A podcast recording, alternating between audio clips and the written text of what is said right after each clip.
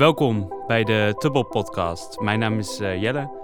In deze podcast ga ik in gesprek met mensen die ooit in hun leven tegenover een mentale uitdaging hebben gestaan. Om zo elkaar beter te leren begrijpen, mentale kwetsbaarheid bespreekbaar te maken en wellicht voor jou als luisteraar een steuntje in de rug. Ik hoop dat je het interessant vindt en wat van kunt leren. Deze keer ga ik in gesprek met Jesse. Jesse werkt hard aan zichzelf, zijn studie, zijn werk en zijn toekomst. Maar deze drive komt met een prijs. En hij moet flink betalen, want de stress neemt namelijk over. Jesse komt in een burn-out terecht. Hij voelt zich vastgenageld aan de grond. De enige weg uit is om meer van zichzelf te houden. Hoe hem dit is vergaan, dat hoor je nu. Hey Jesse. Hey Jelle. Hey, hoe is Hey. die? Ja, goed. Met jou? Ja, goed. Eh, lekker warm nu binnen. Want we zijn net eh, best wel een tijdje naar buiten geweest. Eh, lekkere wandeling gemaakt. Flinke fietstocht erbij ook. Ja, ja. Ehm, kun je uitleggen waar we net eh, zijn geweest? Ehm, ja, zeker. Nee, ik ehm, in de tijd van mijn burn-out, twee jaar geleden, toen eh, wandelde ik altijd op, op deze plek. En het was voor mij altijd ja, best wel magisch en het is best wel grappig. Want ik hoopte eigenlijk al dat het nou ja, zo mistig zou zijn als dat het nu ook was. Want eh, dat is eigenlijk ook iedere keer het beeld wat ik een beetje voor me zie als ik aan die plek terugdenk in die tijd, zeg maar. Ja, een beetje dat, dat magische. Ja, ja. Even eh, de stad ontvluchten. Even een beetje van die stress afkomen. Eigenlijk in die tijd van dat je dus eh, in die burn-out zat, was dat dus een soort van toevluchtsoord waar je heen kwam om even eenmaal je mind te clearen en Nee, ja. tot jezelf te komen. Ja, nee, ja, wel weer een beetje proberen om tot mezelf te komen. Ik werd eigenlijk eh, iedere ochtend strak van de cortisol werd ik wakker. Ja, En dan bleef ik nog even in bed liggen. En dan uiteindelijk sleepte ik mezelf uit bed en ging ik eigenlijk in alle vroegte, nou ja, die wandeling maken. Dus ik liep dan lekker over de dijk, liep ik nou, ja, richting de waterzuivering. En dan liep ik altijd, nou ja, dat stukje achter de boerderij langs, waar we dan eh, net ook zijn geweest. En ik merkte en voelde altijd op het moment dat ik eigenlijk geen of weinig huizen meer zag, dat ik dan altijd nog net iets meer tot rust kwam. Dus dat vond ik altijd een heel erg eh, fijne plek om te lopen. Dus eh, dat, als ik terugdenk aan die periode, dan kwam eigenlijk ook echt direct die plek als eerste, als eerste in me op. heel mooi. Ja, Ik ben nu trouwens al iets vergeten, nu we deze podcast opnemen. ik heb als feedback eh, teruggekregen dat ik eh, eigenlijk nooit degene introduceer waarmee ik zit. Dus dat is misschien wel een goeie. En dan doen we dat gewoon nu en dan plak ik het ervoor. dus zou je even kort kunnen zeggen van... eh, ja, wie bent? Je bent dus Jesse. Hoe oud ben je? En wat doe je in het dagelijks leven? ik ben Jesse, ik ben 26 jaar. Ik eh, studeer op dit moment, ik doe ondernemerschap en retailmanagement. En daarnaast ben ik net eh, begonnen bij een nieuwe baan. Dus eh, ja, dat eigenlijk. En je bent momenteel ben je bezig met je afstuderen, toch? Voor Ja. je, Klopt Voor je inderdaad. Ja. Dus ik ben voor mijn afstuderen ben ik ja, ben nu bijna klaar. Dus in januari kan ik hopelijk ehm, nou ja, alles inleveren, mijn eh, eindpresentatie geven en dan heb ik mijn eh, HBO-papiertje heb ik eh, in de pocket. Ja, lekker man. Ja. En wat zou je daarna, wat, wat, wat zou je daarna willen doen? Wat zou je willen worden? Ehm, ja, ondernemer. Ja, Ja. Ik ben nu op, met mijn afstuderen ook bezig met het ontwikkelen van een businessconcept. Wat zich richt op nou ja, het, het maken van veganistische maaltijden. En eh, nou ja, die wil ik eh, gaan eh, thuis bezorgen bij, bij de mensen. Dus, Lekker. ja, en ehm, ja, je hebt het al net even gehad over de, de plek waar we zijn geweest. En ehm, dat je dus een, een burn-out hebt gehad. Ehm, hoe lang is dat ongeveer geleden? dat is in 2019 is dat geweest. Toen eh, eigenlijk vlak na de zomer. Nou, ik voelde eigenlijk in die zomer al dat het niet helemaal lekker ging. Veel, eh, nou, eigenlijk gewoon veel te veel hooi op mijn vork genomen. Heel eh, druk geweest. Ook nou, eigenlijk in het jaar voordat ik toen begon bij een nieuwe baan. Toen nee, ik had vanuit het eerste jaar, wat niet helemaal lekker ging op mijn studie, had ik nog wat studiepunten die ik moest halen. 20 stuks in totaal. En die heb ik toen allemaal in het eh, tweede jaar heb ik die ook gehaald. Wow. Ja. en ehm, nou, ondertussen dat jaar, ik eh, werkte in de weekenden, door de weeks werken, eigenlijk veel te weinig rust nemen. Echt in eh, de tiende versnelling, zeg maar, overal doorheen. En ehm, Ja, want Ja. Dat, dat is wel grappig, want ik ken jou meer van dat je in de horeca aan het werk bent, dat, dan dat ik jou überhaupt in het, eh, in het uitgaansleven zeg maar, zag als bezoeker. Ik ja, heb jou vaker gezien dan dat je aan het werk bent dan dat je eh, gewoon vrij bent. klopt. Ja, dat is nee. misschien ook wel typerend eigenlijk voor... Ik was altijd wel heel erg veel eh, aan het werk, inderdaad. En dan, nou ja, eerder ook nog wel veel op feestjes. En dat is eigenlijk de laatste twee, drie jaar werd het al wel veel minder. Toen voornamelijk inderdaad aan het werk. corona. Shout-out corona, sowieso. ja, dus dat, eh, dat was een soort van cocktail voor een eh burn-out. Ja. Waarbij ik dus eigenlijk eh, nou ja, net na de zomer in 2019 volledig crashte. Eigenlijk niks meer kon. Ik wist niet meer wat ontspannen was überhaupt. Ik was echt, ik ging op de bank zitten om een serie te kijken en het was, kwam gewoon niks binnen. De hele tijd een bepaalde spanning in mijn lichaam dat ik iets, ja. iets moest doen. Ja, En dus dan 's ochtends eh, werd je wakker heel vroeg. ja. En dan eh, als eerste wat je dan ging doen was daar wandelen waar we dus net zijn geweest. Ja. Hoe heet het eigenlijk waar we net zijn? De, de uiterwaarden Het is bij de ijs- achter, IJssel, de, ja. achter de waterzuivering. Whatever. Ja. Het is mooi. ja, het was echt heel mooi trouwens. Daar. Elke Ja. keer als ik eh, eh, in Deventer dat ik denk van... oh, nu heb ik alle plekjes wel gezien en ontdekt... dan komt er altijd wel weer iets nieuws eh, om de hoek kijken. Ja, grappig is dat, hè? We, Ja. we hebben eigenlijk best wel een unieke stad. Ja, heel mooi. Ik denk niet dat veel steden dit zo op deze manier hebben. Nee. Dus als je luistert eh, en je woont niet in Deventer... dan eh, blijf ook lekker naar beneden. kom, kom een keertje hier, hier Kom gezellig langs.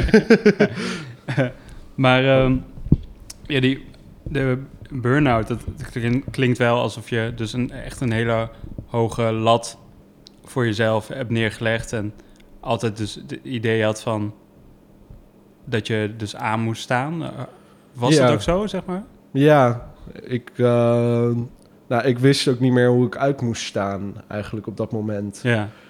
Je ben, ik was eigenlijk zo, ik had mezelf eigenlijk tot zover gedreven dat ik alleen nog maar aan kon staan. Dus ik kon op dat moment ook gewoon bijna niet meer slapen. En op het moment dat je niet meer kan slapen, dan, ja, dan gebeurt er echt wat raars met je, zeg maar. Eh, dan krijg je jezelf ook niet meer rustig, dingen komen harder aan. eh, Je, gedachten racen ineens eenmaal. eh, ja, het is echt een soort van achtbaan in je hoofd. Of een Ja. soort van Formule 1, even terugrefereren naar Max Verstappen. Eh Shout-out Max. Shout-out naar Max. Ja, En ehm, eh, kun- je dan ergens, kun je voor jezelf herleiden, zeg maar, waar dat dan eh, vandaan is gekomen? Of waarom je dat dan, eh, ja, ja, hoe is dit ontstaan? Ehm, ja, het was voor mij altijd heel erg eh, juist. Ik, ik moet, moest altijd iets om handen hebben. En dat was voor mij eigenlijk altijd een stukje vluchten, zeg maar. Dus ik had bepaalde dingen van vroeger, bepaalde nou ja, trauma's, eh, psychische problemen, dingen die er eh, gebeurd zijn, zeg maar. En daar probeerde ik eigenlijk van te vluchten. Dat deed ik door veel te drinken, door veel drugs te gebruiken. Dus mijn weken zagen er altijd een beetje zo uit. Ik- door de week ging ik dan voor het grootste deel naar school. Was ik er dan ook niet altijd. Ja, Ehm, dus dat zo goed mogelijk proberen te doen. In de weekenden werkte ik, afters, eh, weinig slapen. En dat heb ik eigenlijk heel lang zo op die manier gedaan. ja, En ehm, nou ja, uiteindelijk toen nou ja, kwam ik op dat punt, wat ik net vertelde, dat ik gewoon eigenlijk niet meer kon slapen. En eh, nou ja, eigenlijk gewoon helemaal, mijn hele lichaam zat vol met stress en spanning, dat ik eigenlijk gewoon niet meer terug kon. nee, En toen, eh, nou ja, burn-out. Hartstikke ding. Ja. de man met de hamer. De man met de hamer, ja. Ja, echt wel. Geen kleine hamer. Nee, meerdere ook. ja. Ja. En ehm, ja, want je, je zei het net al van dat je... Dus vanuit je jeugd zijn er bepaalde dingen gebeurd en ontstaan. En ehm, misschien bepaalde ja, trauma's, zeg maar, hebben zich eh, daardoor eh, ontwikkeld. Ja. Van, wil je daar iets over, over kwijt? Van, Ehm, nou ja, mijn jeugd is gewoon niet al te, al te makkelijk geweest. Ik eh, nou ja, werd geboren in eerste instantie in een hele lastige tijd. De moeder van mijn moeder, die eh, was doodgegaan net voor mijn geboorte. ja, was een heel gevoelig kind ook wel. En toen eh, nou ja, kwam ik op school al niet echt mee. Dus eh, nou ja, toen waren ze van, nou, wat moeten we met dat joch? ja, moeten we met dat kind? En eh, nou, jaar extra gekleuterd. Eh, toen moest ik uiteindelijk naar eh, speciaal basisonderwijs in Zutphen. Zat ik echt op een hele kleine school. ja, Dat ging op het begin wel, maar ook daar kwam ik niet echt mee. Ehm, ik wou eigenlijk ook helemaal niet naar die school toe. Ik Nee, wou, precies. Ik wou gewoon, net als alle andere kinderen, gewoon naar een normale school toe. Dus ja, dat was, dat was echt een soort van leidensweg ook wel. En eh, nou ja, daar op school werd ik ook gepest. En eh, dus dat... eh, dus daar uiteindelijk de school afgemaakt met, nou ja, veel moeite. ja. En toen... Dus eigenlijk altijd al wel een strijd. Dus dat je ergens op een plek moest zijn, een school... waar je het liefst eigenlijk niet wou zijn. Want je wil gewoon als kind, dat is volgens mij wat elk kind wil... gewoon een normaal kinderleven hebben. En Ja, eh, vriendjes en vriendinnen waar je gewoon fijn mee kunt hebben. En, ja. maar dat had je dus niet. De hele tijd niet eigenlijk. Nee, nee, ja, ik had wel vriendjes en zo, maar ik vond het... nou Ja, gewoon heel lastig om daar te zijn. En ik merkte ook, ik sloot me als kind heel erg af ook. Ja, Op, eh, op school, op gewoon... Het was... eh, ja, dat was gewoon heel lastig. Wa- waar, ehm, weet je ook van waarom je dan op een gegeven moment dan naar dat eh, speciale onderwijs moest? Ja, ja, ze, ik kwam op in de kleuterklas, eh, viel het een beetje op dat ik me anders ontwikkelde dan andere kinderen. Mhm. En toen probeerden ze mijn intelligentie ook te testen, maar dat konden ze dus eigenlijk niet testen. ja. En toen, eh nou, Waarom konden ze het niet testen dan? Geen idee. Oh, Ze konden gewoon mijn intelligentie niet testen. Ja. Ja, dus eh, nee, die kleuterjuf die heeft toen met mijn ouders heeft ze om tafel gezeten van oké, wat, wat moeten we met hem, weet je wel. En ehm, nou ja, toen uiteindelijk naar verschillende basisscholen ook gekeken. En eh, nou, dit leek toen de beste optie. Nou, moest ik iedere dag met een soort van busje moest ik daar eh, naar Zutphen toe, naar, naar de basisschool.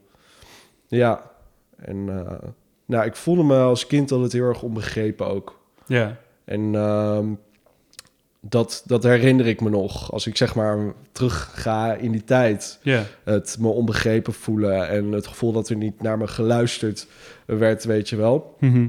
Ehm, dus dat, er zat heel veel frustratie eigenlijk ook wel eh, in die tijd. En eh, nou ja, ja, dat kan me wel voorstellen inderdaad. ja. En toen uiteindelijk zijn ze mij ook gaan eh, testen. Nou, er kwam toen een diagnose van PDD-NOS. Dat is tegenwoordig gewoon autisme spectrumstoornis en ADD Uh-huh. uit. Eh, die diagnose van PDD-NOS is nu weer verwijderd.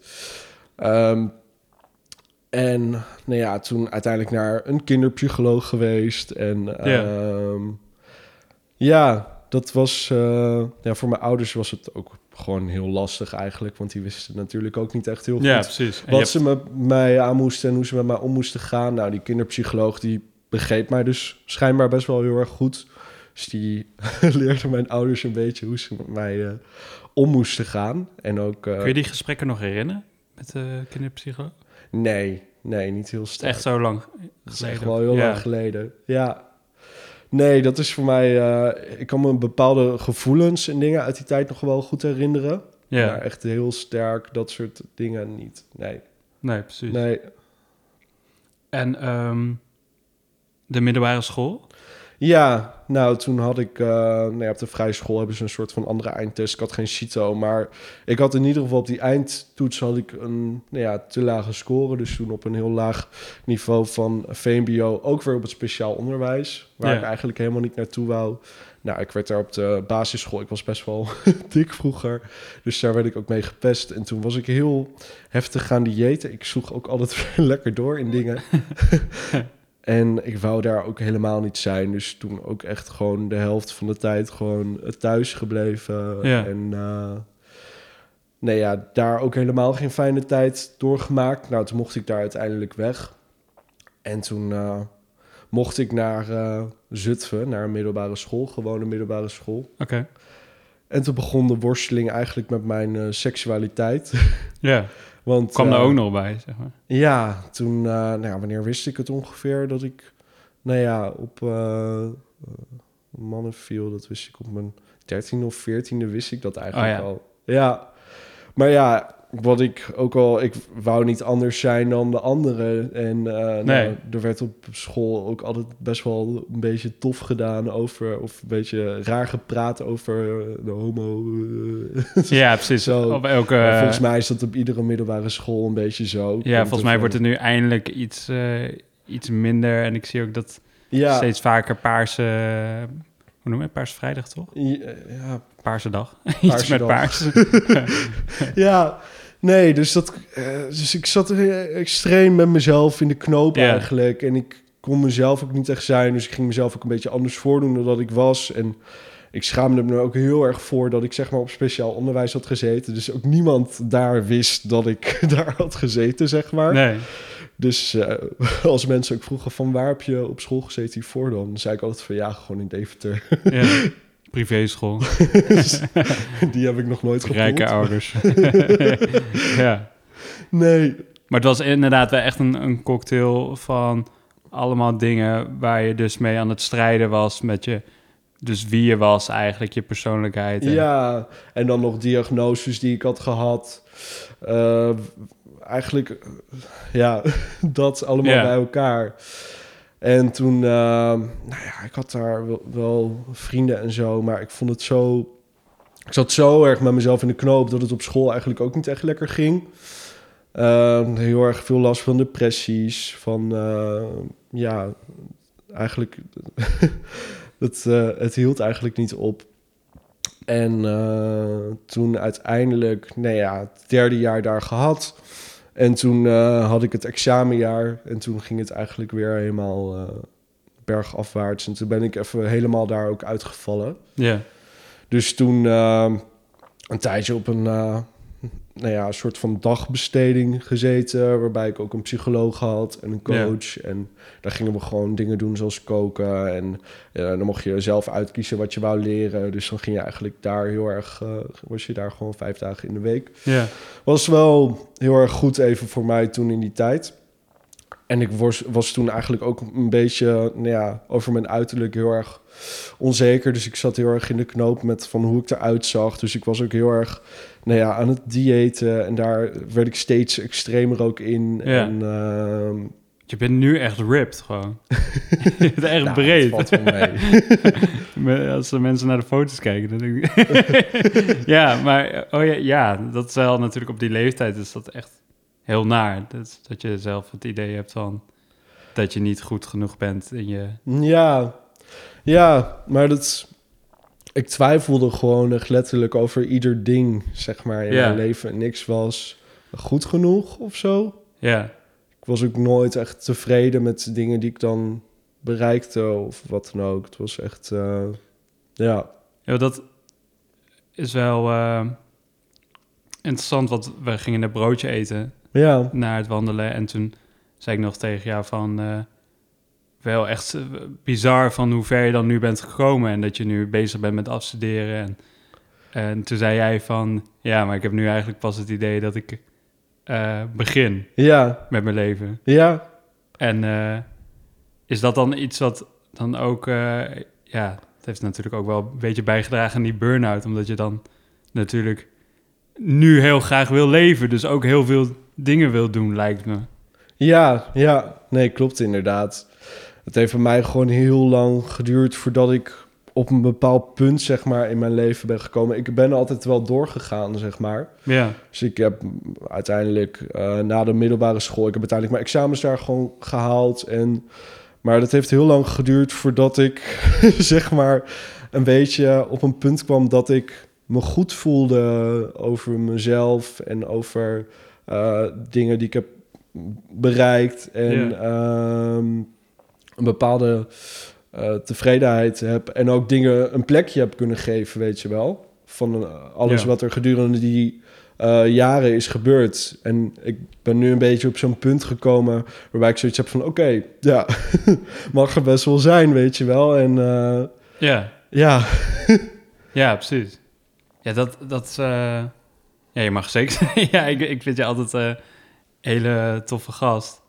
En ehm, ja, ik, ik, ik was ook echt verbaasd. Toen we gingen... Een tijdje geleden gingen we lopen... En toen vertel je me dus inderdaad eh, al deels dit verhaal. ja, En toen... eh, ik snap heel goed, zeg maar, die, die gevoelens die daar dan allemaal bij komen kijken. En lijkt me ook heel frustrerend en verwarrend als je zo jong bent. ja, ja.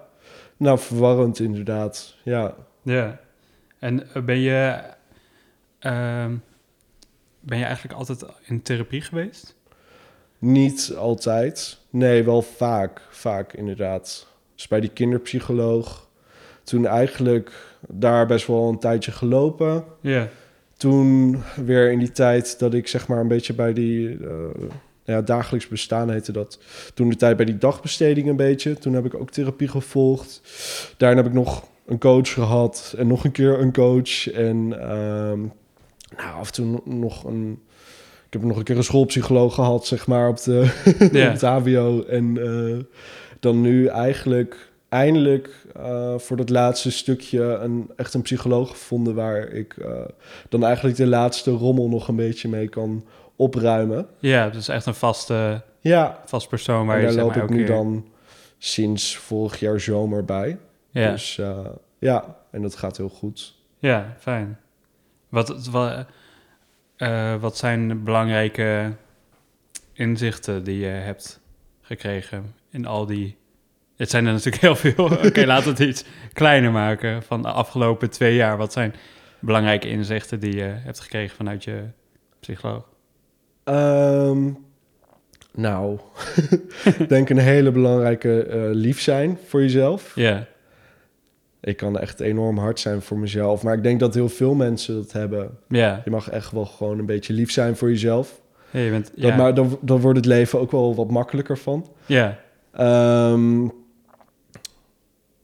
Als hij hem iets een beetje naar je ja, dat het eigenlijk... ehm, wat zijn nog meer inzichten die ik heb gehad? Ehm, ja, dat ik er mag zijn en ehm, dat ik veel meer kan dan dat ik eigenlijk altijd van mezelf dacht vroeger. Ja. Ja, Ja, dat is wel een mooie, want ik denk dat inderdaad dit allemaal aspecten zijn die eh, iedereen in het dagelijks leven soms een beetje vergeet, inderdaad.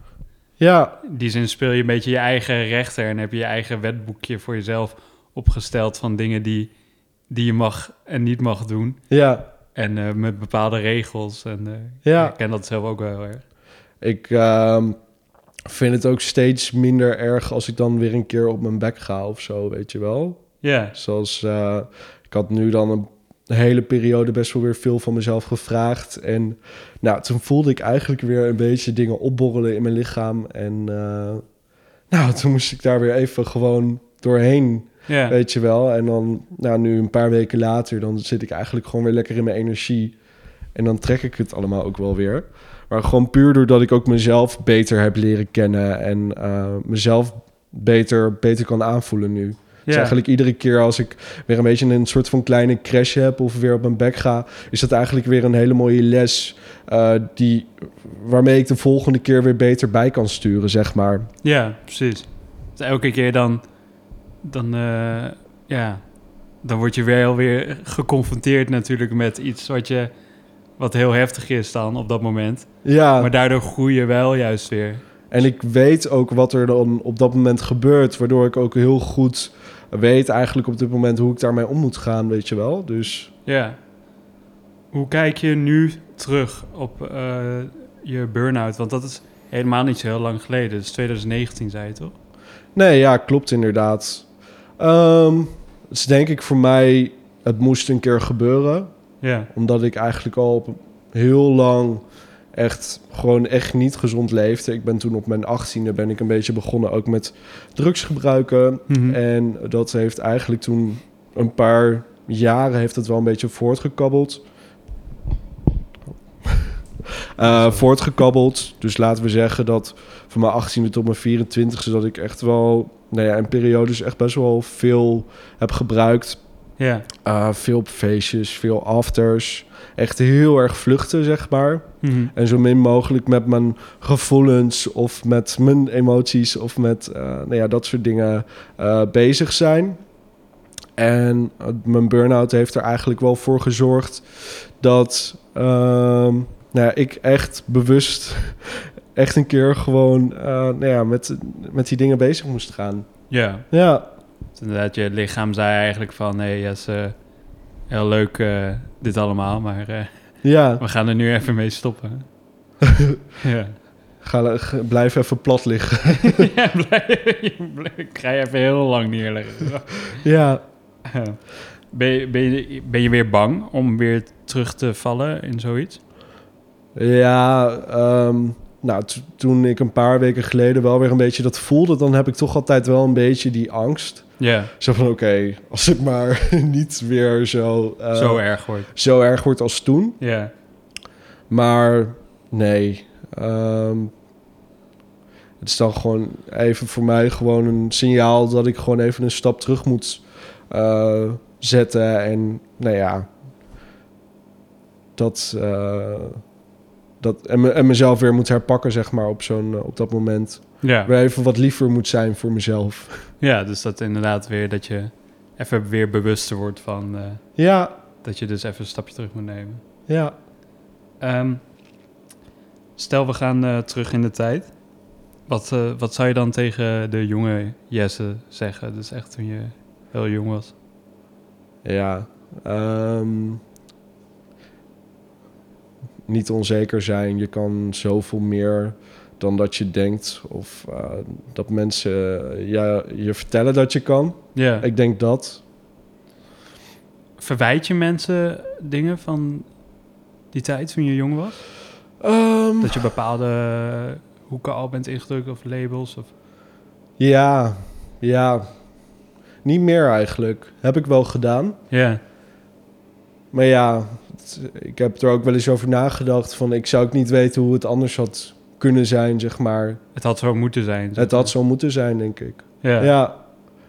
Dus eh, ja, inderdaad, als je dat zegt, dan heb je ook wel echt je rust daarin gevonden. Ja, nee, ik, ik, ik heb er ook nog wel eens een keer met mijn ouders over gehad. En nou, toen tijdens het praten, toen dacht ik ook van ja, had ook niet echt anders gekund, zeg maar, op dat moment. Ja. Misschien als het nu, zeg maar, die situatie zich voor hadden gedaan, dat het wel had gekund. Maar toen in die tijd, met die omstandigheden, eigenlijk niet. Ja. Nee, Ehm, ja, wat zou je tegen andere mensen willen zeggen die tegenover een gelijkwaardige uitdaging staan, die misschien ook zoiets hebben meegemaakt van vroeger een label krijgen en ja.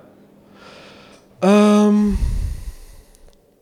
en dan puur het krijgen van een label of... nou, of misschien meer dat we kijken naar, naar burn-out Ja. en jezelf gewoon gigantisch hoge, eh, ja, dat je gewoon een gigantisch hoge lat voor jezelf eh, constant legt. Ehm, ja, goede vraag. Nee, wat voor mij, wat ik in die periode vooral, eh, nou ja, mezelf heel erg heb aangeleerd, is om echt gewoon tijd en rust gewoon voor jezelf te gaan nemen en heel erg bewust te kijken naar de dingen die jou energie geven en die jou energie kosten. Ja. En vooral dan veel dingen proberen te doen die je energie geven. Ehm, en dat kun je doen op het gebied van mensen waarmee je omgaat, dingen die je doet. Sommige mensen kosten je veel energie, sommige mensen kosten je weinig energie of geven je energie. Ja, En op die manier, zeg maar, je leven eigenlijk een beetje opnieuw gaan indelen. ja, En datzelfde te doen op het gebied van werk, van school. Ehm, eigenlijk, eh, ik ben toen ook best wel snel toch wel weer een beetje aan het werk gegaan. En ook mijn studie eigenlijk toch vrij vlot na een paar maanden wel weer een beetje op kunnen pakken. ja. Ehm, en het, het verschilt denk ik ook heel erg per persoon. Maar voor mij heeft het toen ook wel geholpen dat ik toen toch wel weer echt dingen ben gaan doen. Het schijnt ook wel een beetje achterhaald te zijn tegenwoordig dat je als je een burn-out hebt, dat je ook helemaal heel lang niks moet doen. Ja, Maar het is daarin ook wel weer, eh, tenminste merkte ik ook wel weer belangrijk om jezelf toch een beetje wel weer uit te dagen Ja. in dingen. Niet te erg, maar ja. ja, dat je toch wel weer een beetje misschien dan langzaam Ja, in dat Alleen- werksysteem komt. gewoon niet te veel druk op jezelf leggen. Niet te Nee. veel van jezelf verwachten. Nee, Ja, precies. als dingen een keer niet lukken, dan is dat ook goed, weet je wel. Ja, Daar wat liever eh, in zijn voor jezelf. Ja, wat hier eigenlijk ook wel een beetje op aanhaakt, dat is vaak een beetje de laatste vraag die ik stel. eh, heb je tips voor mensen? Misschien in het algemeen gewoon. Ja, tuurlijk. ja, ehm, praat met mensen. Ja. Een hele logische. Praat met je vrienden, je familie. Praat met een psycholoog. Dat vind ik zelf altijd gewoon... ja, sorry voor je microfoon. Ik ga weer even eh, zo. Even technische Ja. Eh, nee, praat met mensen, familie, vrienden, mensen die je vertrouwt, je psycholoog. Ehm, ga bewegen, ga lekker de natuur in. Ehm, dat, dat soort dingen.